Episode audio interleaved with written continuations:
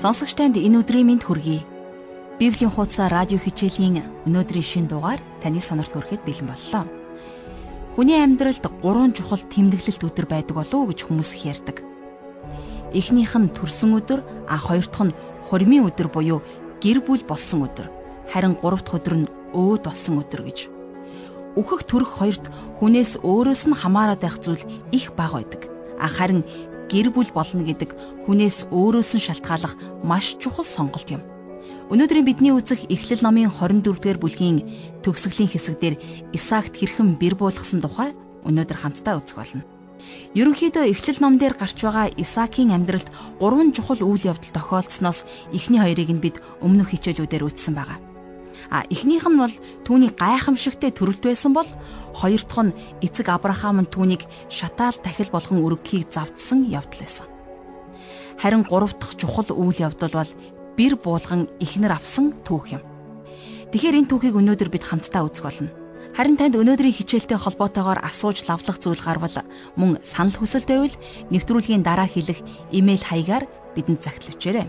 Ингээ хамтдаа өнөөдрийн хичээлийг эзэн даатгаад залбирцгаая. Бурхан минь, бид энэ цагийн төлөө онцгойлон танд талархлыг өргөе. Та өөрийн үгээрээ дамжуулан биднийг хөтлөн дагуулж удирдах өгөөрэй.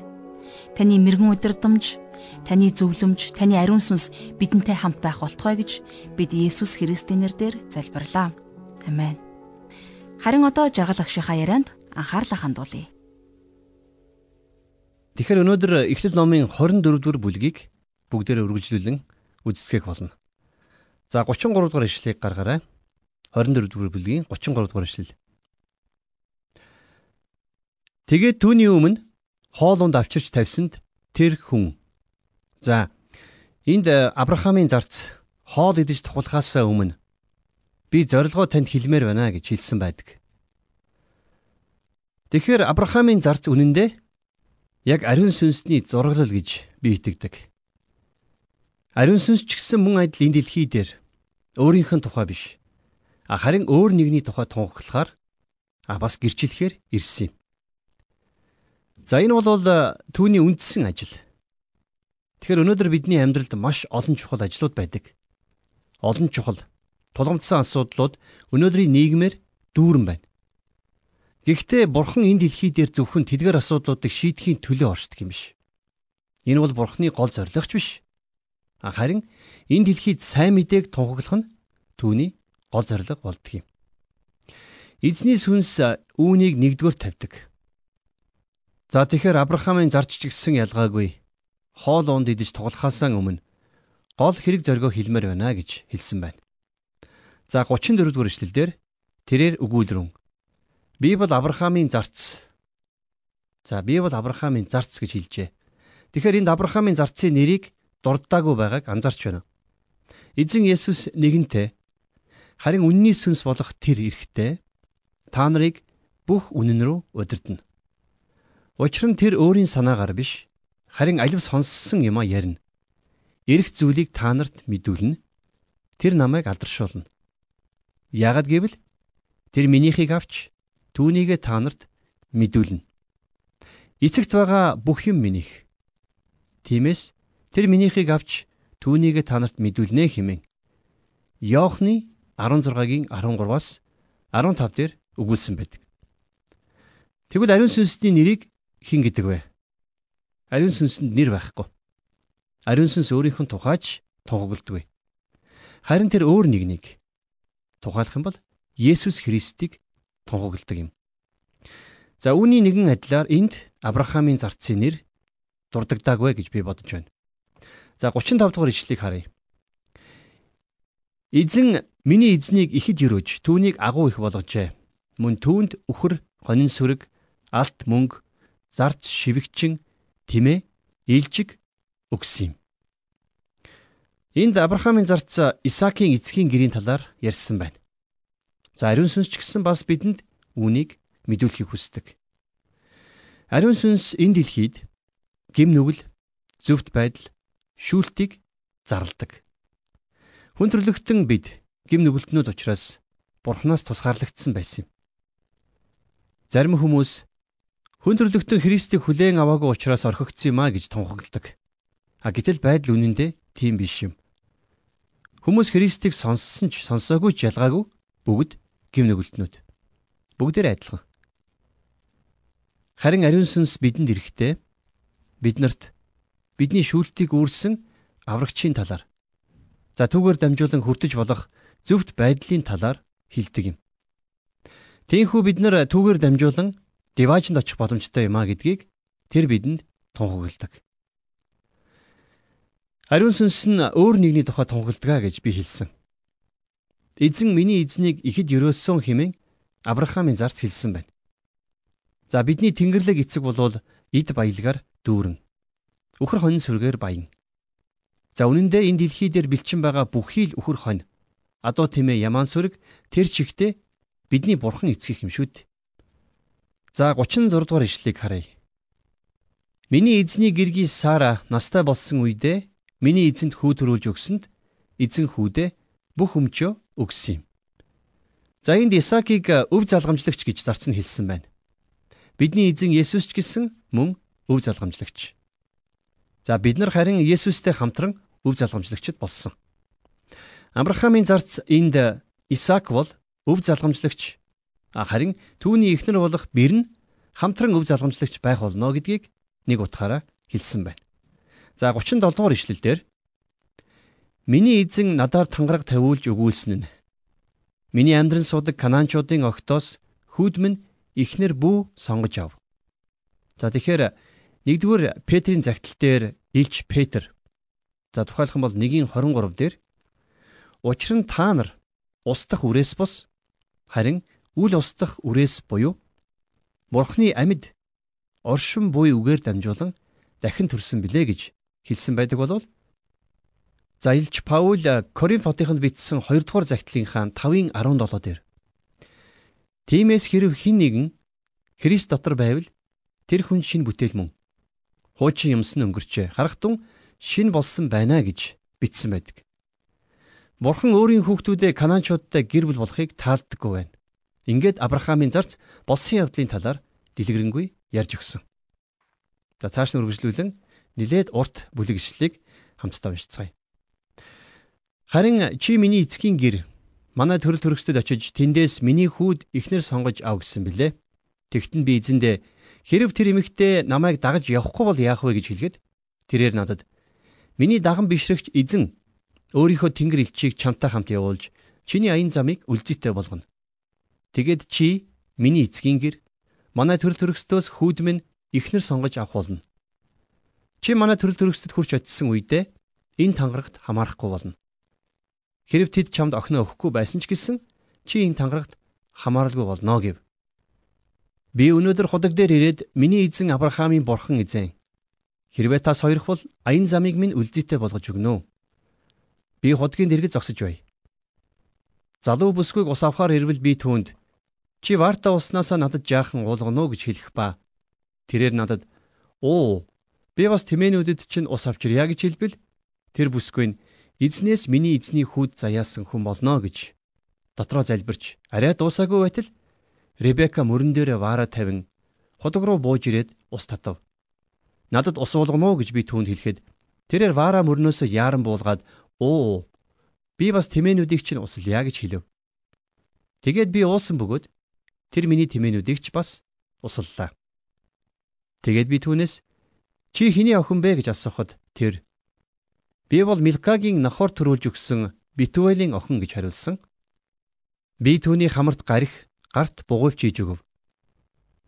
Тэгээд миний эзэн Авраамийн бурхан эзэн намайг зөв замд хөдөлж миний эзний дүүгийн охиныг хүүдэн сонгуулсанд би эзэнд толгой мэхийн хүндэтгэм өргөд түүнийг магтан дуулав. Хэрэг одоо та нар миний эзэнд инэрл хайраа үнэн чудрага үзүүлье гэвэл надад хэлээрэй. Тэгхгүй ч гэсэн бас надад хэлээд баруун тишээ эргэх үү эсвэл зүүн тишээ эргэх үү гэдгийг мэдүүл гэж хэлвэ гэсэн байна. За тэгэхээр энэ бүлэг ишлэл нэлээд урт ишлэл байла. Эхлэл номын 24 дугаар бүлгийн 38-аас 49 дугаар ишлэл. За тэгэхээр тэр гэр бүлийн гол хүн нь бол Лабан байсан. За тэгээд гэрийнхнийхээ төлөөлж ингэж хариулсан байна. За 50-аас 51 дугаар ишлэлийг хараарай. Лабан Битүүл 2. Энэ нь эзнээс заягддаг учраас Бид чамд сайн муу аль нь болохыг хэлж чадахгүй.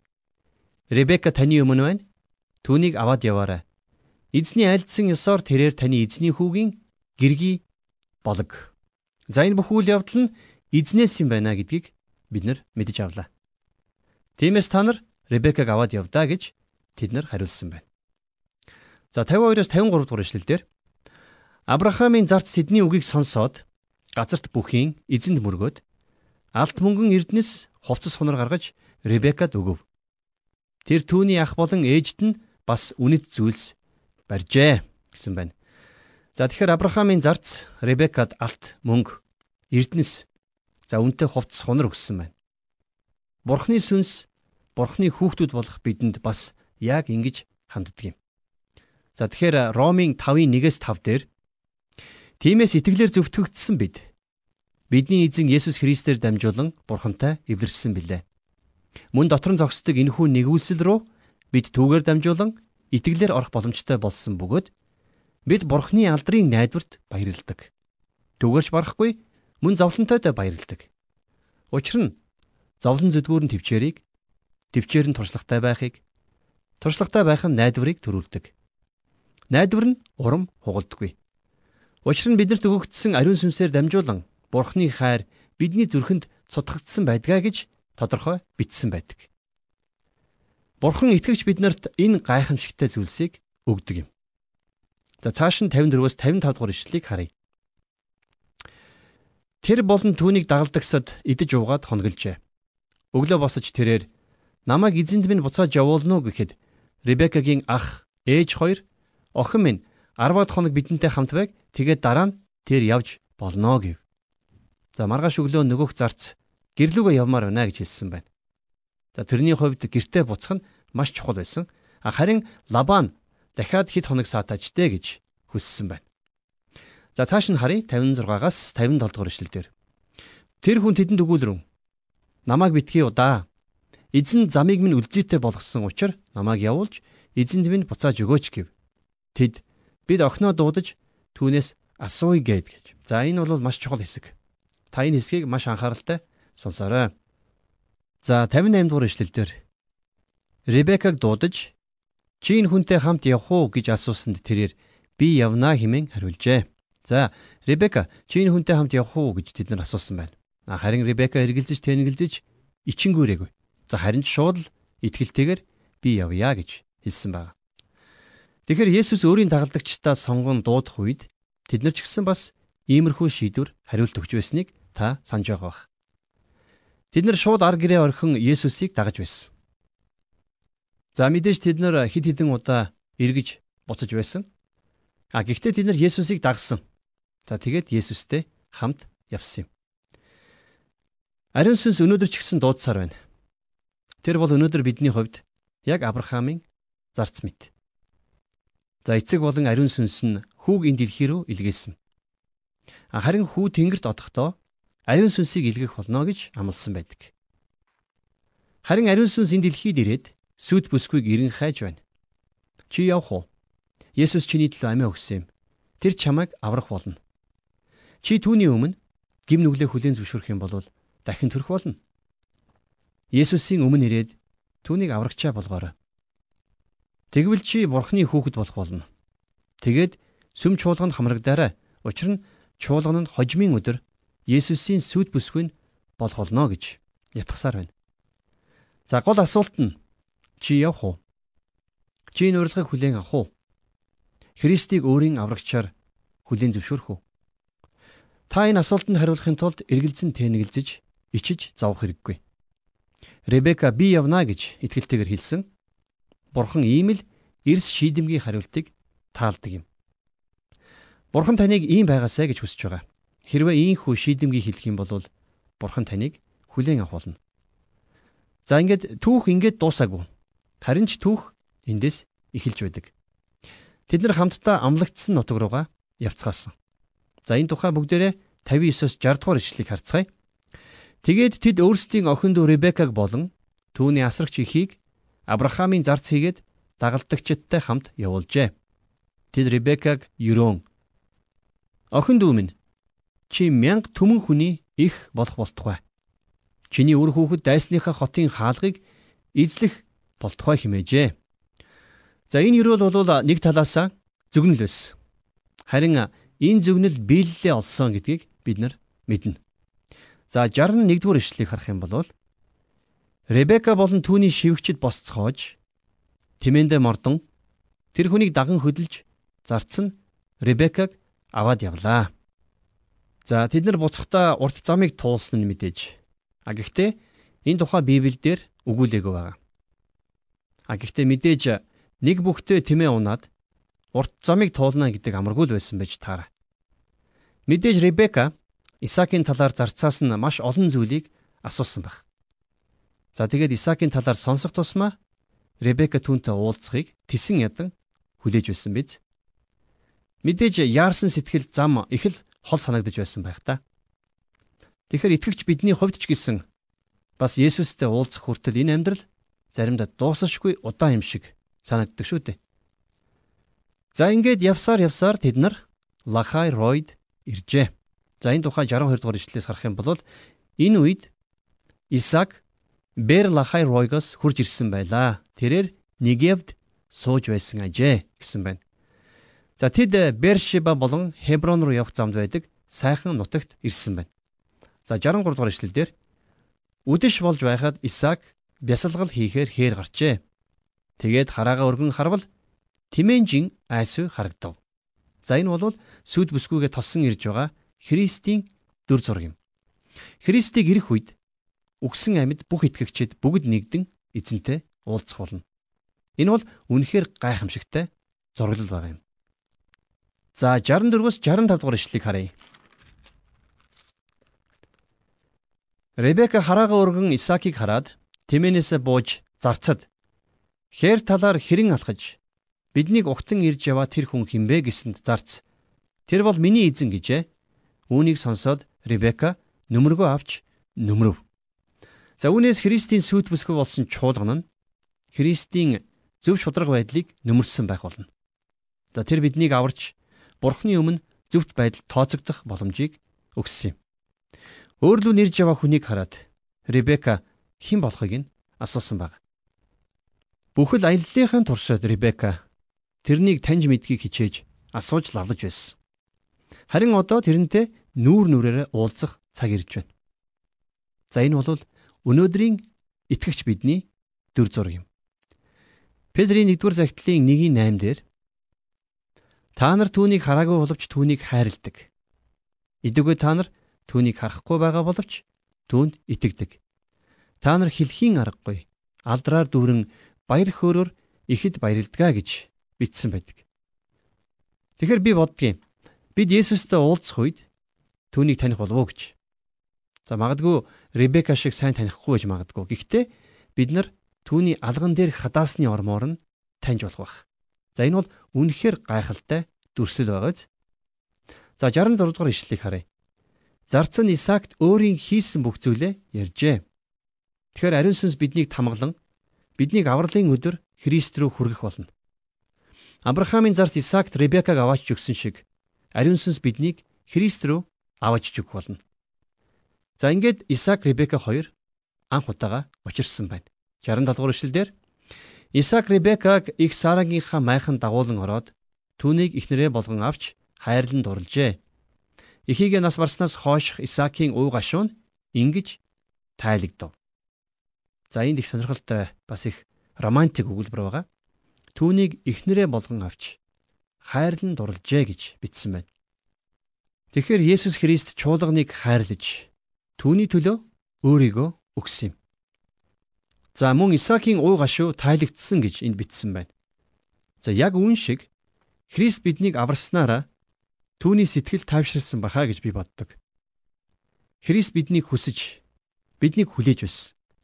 За тиймдээ ч биднийг аварсандаа тэр баярлсан. Тимээс хайрлагдсан бид нар ч гэсэн бас Бурхныг хайрлаж Бурханд үнэнч амьдрцгаая.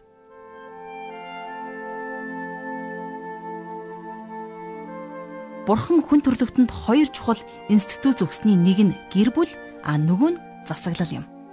Өөрөөр хэлбэл Бурхан хүн төрлөختнийг өөрөө өөрсдийгөө засаглахыг зөвшөөрсөн гэсэн үг. Дэлхийн хаан ч гэсэн адилхан энэ чухал хоёр институтс нуруу унахал юм бол нийгэм тэр чигтээ задран унах болно гэсэн үг. Гэр бүл бол аливаа нийгмийн үндсэн нэгж юм. А бурхан үүнийг мэддэг учраас гэрлэлт гэдэг тэрхүү нандин зүйлийг бий болгосон. Гэрлэл бол гэр бүлийн бат бөх харилцааг бий болгох улмаар нийгэмд тогтвортой, хүчрхэг, эмэгцэгцтэй байдлын нөхцөлийг бүрдүүлж өгдөг. Бурхан Исаакийн гэр бүлийн амьдралд анхаарал тавьсан. Тэр бурхан өнөөдөр таны амьдралд ч гэсэн анхаарлаа хандуулдаг юм шүү. Та өөрийнхөө гэр бүлийн амьдралыг бурханлаг байлгахыг хүсвэл үргэлж түүнд хандан хичээнгүйлэн залбираарай. Мөн Авраам шиг үр хүүхдүүдээ бурханлаг гэр бүлийг цогцлооход нь тусалж бурханд даатхан залбирцгаая. Хамтдаа эзэнд хандан залбирцгаая. Бурхан минь, та бидэнд гэр бүлүүдийг өгсөн Таны бидэнд өгсөн ивэл юрөөл болон бууж ирсэн гэр бүлүүдийнхаа төлөө хайртай хүмүүсийнхаа төлөө онцгойлон бид талархлыг өргөж байна. Та өнөөдрөөс эхлээд үргэлжийн мөнхөд та бидний гэр бүлийг бурханлаг, хүчрхэг, итгэлийн гэр бүл болгон төлөвшүүлэн та өөрчлөн шинчилж өгөөрэй. Онцгойлон бид танд үр хүүхдүүдээ ч гэсэн даатхан өргөж байна.